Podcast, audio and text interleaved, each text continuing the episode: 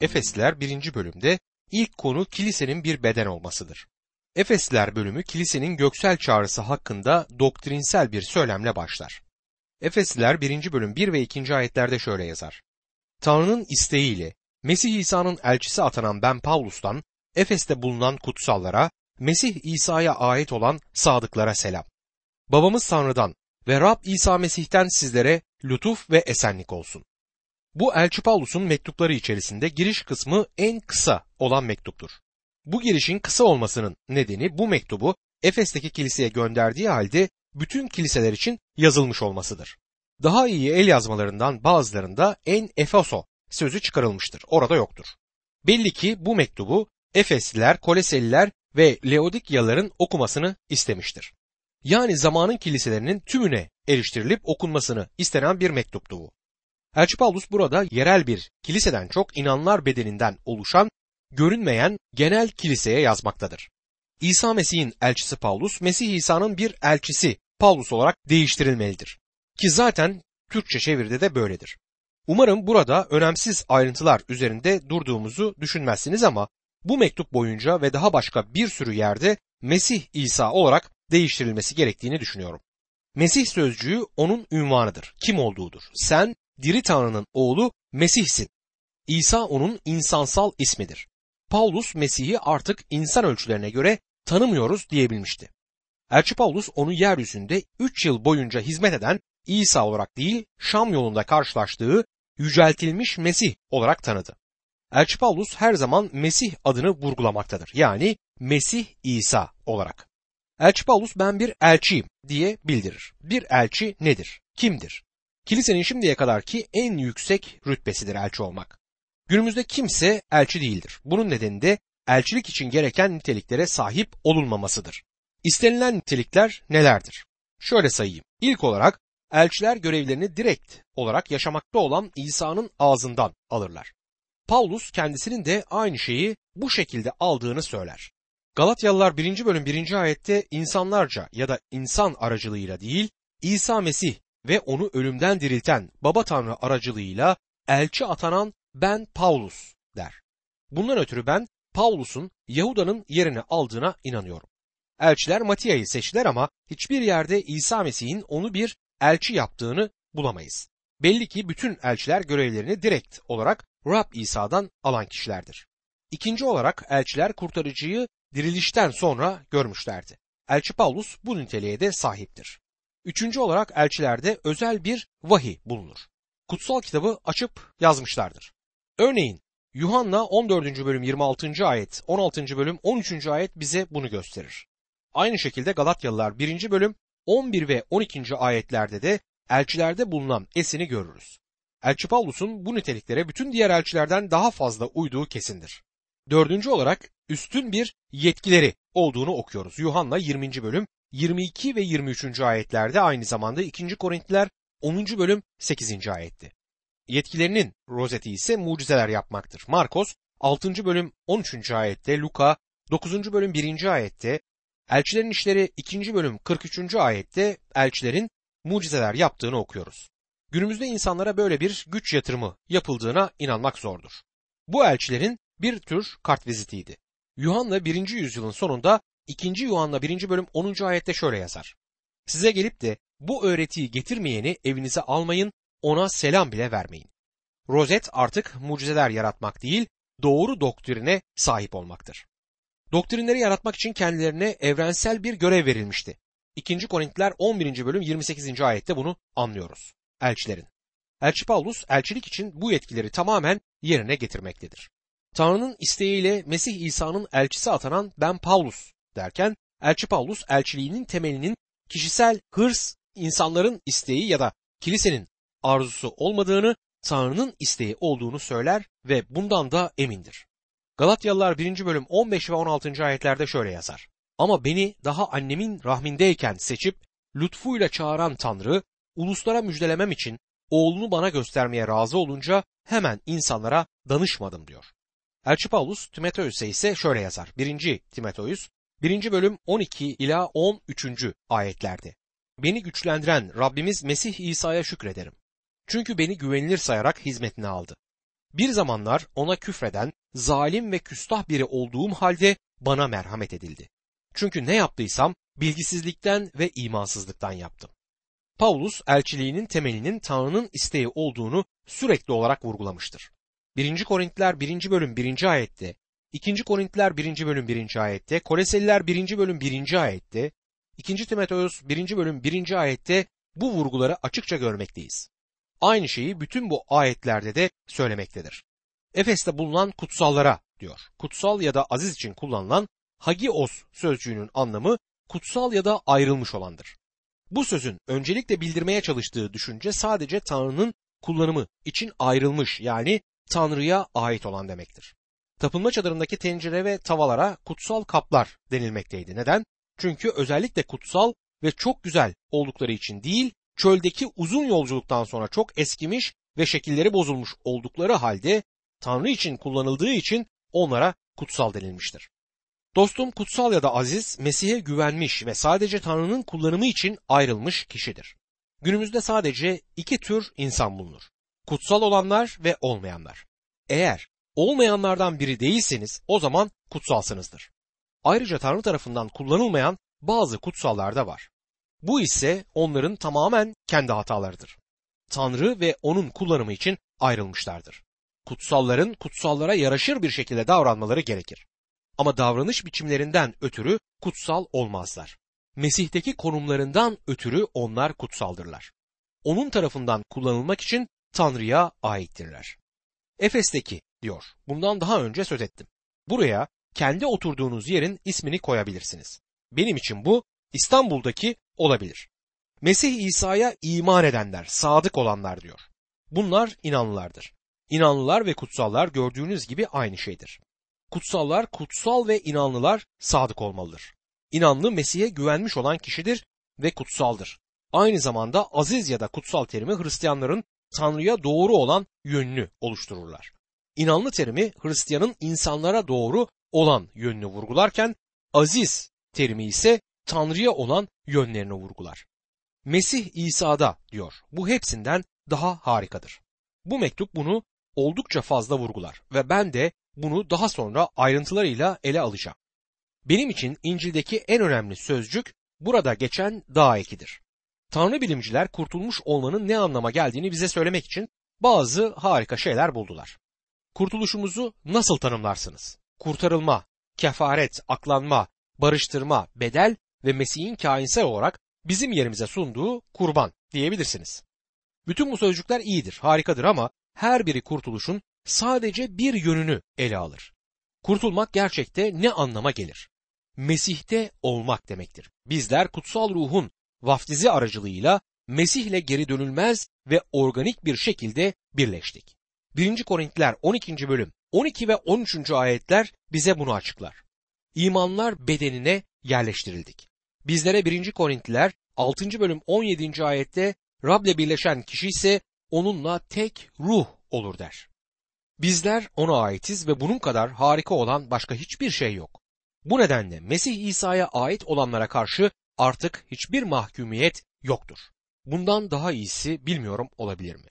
Mesih İsa'da olmak kurtuluşun büyük başarısıdır. Doktor Levi's Sperry burada geçen D ekinin İncil'de 130 kez geçtiğini görmüştür. Rab İsa sen bende ve ben sende demiştir. Bu harikadır. Bizler Mesih'teyiz. Bunu açıklayamıyorum. Çok derin bir şey. Burada benzetmelerin bize yardımı olacaktır. Kuş havadadır. Hava kuşta. Balık sudadır. Su da balıkta. Demir ateştedir. Ateş ise demirdedir.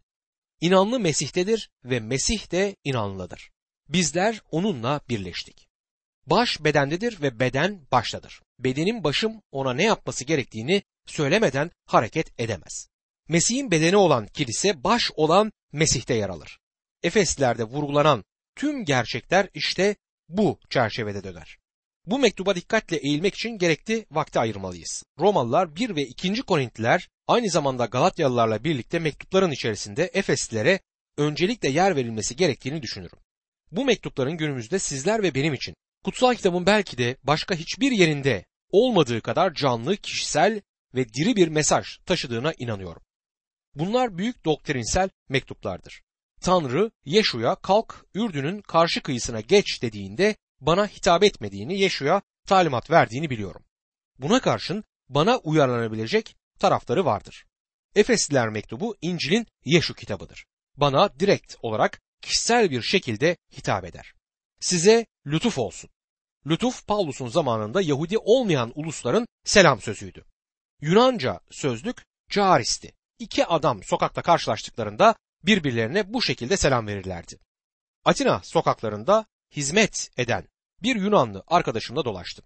Sokakta birkaç kişiyle selamlaştı. Ona kulağa onları bu sözcükle selamlıyormuşsun gibi geliyor dedim. Gülerek eh epey benzer bir sözcük dedi. Belki de günümüzde hala kullanılan bir selam sözcüğüdür. Ve esenlik. Dinsel dünyadaki selam sözcüğü ise esenlikti. Yarışilim sözcüğünde duyduğunuz sözcük işte budur. Yani şalom. Elçi Paulus zamanının yaygın selam sözcükleri olan bu iki sözcüğü alıp her ikisine de harika bir anlam verir ve onları yükseklere kaldırır. Lütuf Tanrı'nın aracılığıyla bizi kurtardığı yoldur. Tanrı'nın esenliğini yaşayabilmeden önce onun lütfunu tatmamız gerekir. Elçi Paulus onları her zaman aynı sıralamayla kullanır. Esenlikten önce lütuf gelir. Esenliği yaşayabilmeden önce lütfa sahip olmamız gerekir. Romalılar 5. bölüm 1. ayette şöyle yazar. Böylece imanla aklandığımıza göre Rabbimiz İsa Mesih sayesinde Tanrı ile barışmış oluyoruz. Günümüzde esenlik ya da barış ya da huzur sözcüğünü her yerde görürüz. Genelde dünyanın herhangi bir yerinde barışla ya da dünya barışıyla bağlantılı olarak kullanılır. Ancak dünya Tanrı'nın lütfunu tatmadan barışı tadamaz. İlginç olan lütuf sözcüğünü fazla görmediğimizdir. Sevgi ve barış sözcüklerini görüyoruz. Bunlar bildik sözler ve kutsal kitaptan alınmış olmaları gerekir ama sık sık Tanrı sözündeki anlamlarıyla kullanılmıyorlar. Barış ya da esenlik günahlarımız bağışlandığı için Tanrı ile barışmak ve esenlik bulmak anlamında kutsal kitapta kullanılır. Tanrı'nın lütfu hakkında bir şeyler öğrenmeden günahlarımız asla bağışlanamaz. Babamız Tanrı'dan ve Rab İsa Mesih'ten lütuf ve barış babamız Tanrı'dandır. Hatta bizler Tanrı'nın lütfunu tadıp Tanrı'nın ruhu aracılığıyla yeniden doğduğumuzda o bizim babamız olur. Lütuf ve barış aynı zamanda Rab İsa Mesih'ten gelmektedir. Elçi Paulus neden ayrıca kutsal ruhtan da geldiğini söylemedi. Paulus üçlü birliğe acaba inanmıyor muydu? Tabii ki inanıyor ama kutsal ruh Efes'teki inanlarda zaten yaşamaktaydı. Rab İsa göklerde Tanrı'nın sağında oturmuştu. Kutsal kitabı etüt ederken coğrafyamıza dikkat etmemiz gerekir. Birçok kişi coğrafyalarına dikkat etmediklerinden teolojiyi karıştırırlar. Coğrafyamızı düzelttiğimizde teolojik bilgilerimize son derece faydalı olacaktır. Birinci bölümün ikinci büyük ayrımına geldik. Muhteşem bir ayetle başlar. Efesliler birinci bölüm üçüncü ayet. Bizi Mesih'te her ruhsal kutsamayla göksel yerlerde kutsamış olan Rabbimiz İsa Mesih'in babası Tanrı'ya övgüler olsun der. Burada çok önemli bir olayı görüyoruz. O bizleri kutsamıştır. Biz onu dudaklarımızla överiz çünkü o önce bizleri kutsal kıldı. Kutsanmamız bir bildiridir. Onun bereketleri hareketlerdir. Bizler onun kutlu olduğunu bildirmekteyiz. O bizleri kutlu kılandır. Kutsanma sözcüğü mutluluk ve sevinç düşüncesini taşımaktadır. Tanrı bugün sevinmektedir. Sizi kurtarmasının ve sizi bereketlemesinin bir yolu olduğu için mutludur. Burada bizleri kutsadığı yazılıyor. Bundan daha harika bir şey düşünülemez. Cennete gittiğimizde bizim olacak bir şeyden değil, şu anda bizim olan bir şeyden söz eder. Birisi gelip ikinci bereketi aldın mı diye soracaktır. İkinci bereket. Dostum ben bereketleri sayarken yüzlerce hatta binlerdeyim. Ben sadece ikinci bereketi almakla kalmadım. Binlerce bereket aldım. Tanrı bizleri kutsamıştır ve bunu Mesih'te yaptı. Mesih'te göksel yerlerde diyor. Yerler sözcüğünün metinde italikle verilmiş olduğuna dikkat etmeliyiz. Mesih'te göksel yerlerde denmektedir. Bizler her ruhsal bereketle kutsanmaktayız ve göksel yerlerdeyiz. Göksel yerlerin tam olarak neresi olduğunu bilmiyorum ama Rab İsa'nın bulunduğu yer olduğunu biliyorum. O Tanrı'nın sağındadır ve bizlere de bu kutsanmaların Mesih'te olduğu söylenmektedir. Bu konuda dikkatli olmamız gerektiğini söylemek isterim. Bu kutsamaların Mesih ile olduğu söylenmez. Bunu böyle okuyanlar da var. Şu anda sizler ve ben Mesih'te oturtulduk. Birisi bir gün cennete gidecek mi diye sorduğunda genellikle verilen yanıt Umarımdır. Size şunu söylemek isterim ki eğer cennete gidiyorsanız Mesih'te zaten oradasınız. Sizi göksel yerlerde Mesih'te kutsamıştır ve buradaki konumumuz her ne olursa olsun şimdiden orada olduğumuza emin olabilirsiniz. Burada işleriniz pek iyi gitmeyebilir ama eğer bir Tanrı çocuğuysanız şimdiden Mesih'te olduğunuzu söylemek isterim. Bazı insanlar bunu bile başka bir şekilde yorumlamaktadırlar. Bir defasında bir konferansta Efeslileri anlatıyordum. Toplantının sonunda duayı yönetmek için bir kardeş çağırdılar. Duasına Ya Rab bu sabah Mesih'te göksel yerlerde oturmakta olduğumuz için sana teşekkür ediyorum diyerek başladı. Bence söylediklerimi anlamamıştı. Göksel yerlerde oturmak için bu çok önemli bir şey olduğu halde bir kutsal kitap etüdüne gelmeniz ve yüreklerinizin bu büyük ruhsal gerçekle heyecanlanması gerekmez. İşin aslı şudur ki moraliniz çok bozuk olduğu zamanlarda bile göksel yerlerde Mesih'le birlikte olmaktayız. Mesih'te olan herkes göksel yerlerde onda oturmuştur. Onun bize vermiş olduğu konum işte budur. Rabbimiz İsa Mesih'in babası Tanrı'ya övgüler olsun. Onu överiz. Neden? Çünkü bizleri kutsamıştır. Bizleri her ruhsal bereketle kutsadı. Buradaki paralel eski antlaşmadaki Yeşu'dur. Bu kitabı çalışırken Kenan diyarının İsrailoğullarına Tanrı tarafından verilmiş olduğunu gördük. Kenan cennetin bir resmi değildir. Kenan bizlerin günümüzde yaşadığı yerin resmidir. Hiçbir zaman cennet olamaz çünkü savaşılacak düşmanlar ve kazanılacak savaşlar vardı. Savaşın yapıldığı yer burası yeryüzüdür. Cennete gittiğimizde artık savaş olmayacak. Buradaki ilginç nokta Tanrı'nın onlara Kenan'ı vermiş olduğudur. Bütün yapmaları gereken mallarına sahip çıkmalarıydı. Tanrı Yeşu'ya 1. bölüm 3. ayette şöyle söyledi. Musa'ya söylediğim gibi ayak basacağınız her yeri size veriyorum. Yeşu, Rab sen onu zaten bize verdin. İçine girip almamıza izin ver diyebilirdi. Dostum Tanrı bizleri her ruhsal bereketle kutsamıştır. Bizler Mesih'teyiz. Mesih'te nelere sahip olduğumuzu düşünmeliyiz.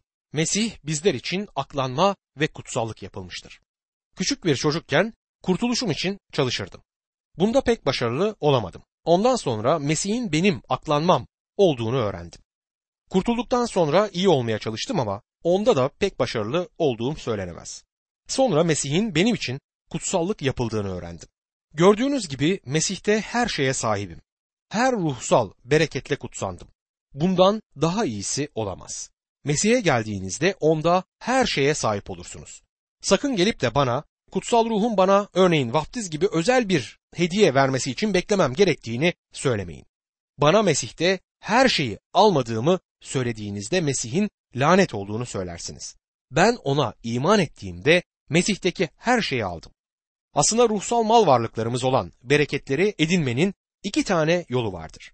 Ya onlara sahip çıkmak ya da onlara sahip çıkmamak.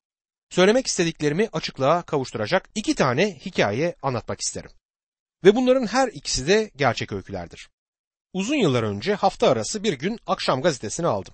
Kısa bir makale okuyup onu kestim. İlk sayfanın en altlarındaydı ve pek göze çarpmayan bir yerdeydi. Bugün Chicago'da yoksul kişilerin kaldığı oteller ve meyhaneler Stanley William McKinney Walker'ı bulma amacıyla arandı. Kendisi 50 yaşındadır. Oxford'dan mezun olmuştur ve 8 milyon dolarlık malikanenin yarısının mirasçısıdır. Sokaklara dizilen ve sarhoş bir şekilde ucuz otellerde yatanlar arasında zengin bir İngiliz gemi yapımcısının oğlu Walker arandı. Bunun çok trajik bir şey olduğunu düşündüm. 8 milyon doların yarısının mirasçısı olduğunuzu ve ucuz otellerde yatan bir şarapçı olduğunuzu düşünün. O zavallı adam için oturup ağlamak lazım. Sonra günümüzde Tanrı'nın çocuklarının ucuz otellerde kaldıklarını, bu dünyanın şarabıyla yaşadıklarını düşündüm. Bunu harfiyen söylemiyorum ama burada ucuz eğlencelerle vakit geçirdiklerini söylemek isterim. Bu imanlılar Karun'un hayal bile edemeyeceği kadar zengindirler ve her ruhsal bereketle kutsanmışlardır. Ama burada ne yazık ki dilenciler gibi yaşıyorlar. Ve bu çok trajiktir. Bazı vaazlarımda bu öyküyü kullanırım. Ve Chicago'dan ziyaret etmekte olan bir hanım yanıma gelip Doktor Maggie bu hikayenin nasıl sona erdiğini biliyor musunuz diye sordu. Hayır hiç duymadım dedim. Onu buldular dedi. İşte bu harika dedim. Hayır dedi. O sonbaharın sonlarında onu bir evin kapısının önünde ölü olarak buldular. O adamın öldüğü gibi ölmek gerçekten trajiktir. Birçok Hristiyan bu şekilde yaşar ve ölür. Buna karşı Mesih'te göksel yerlerde her ruhsal bereketle kutsanmışlardır. İkinci hikaye ise batıda çok yıllar önce gerçekleşmiş bir hikayedir.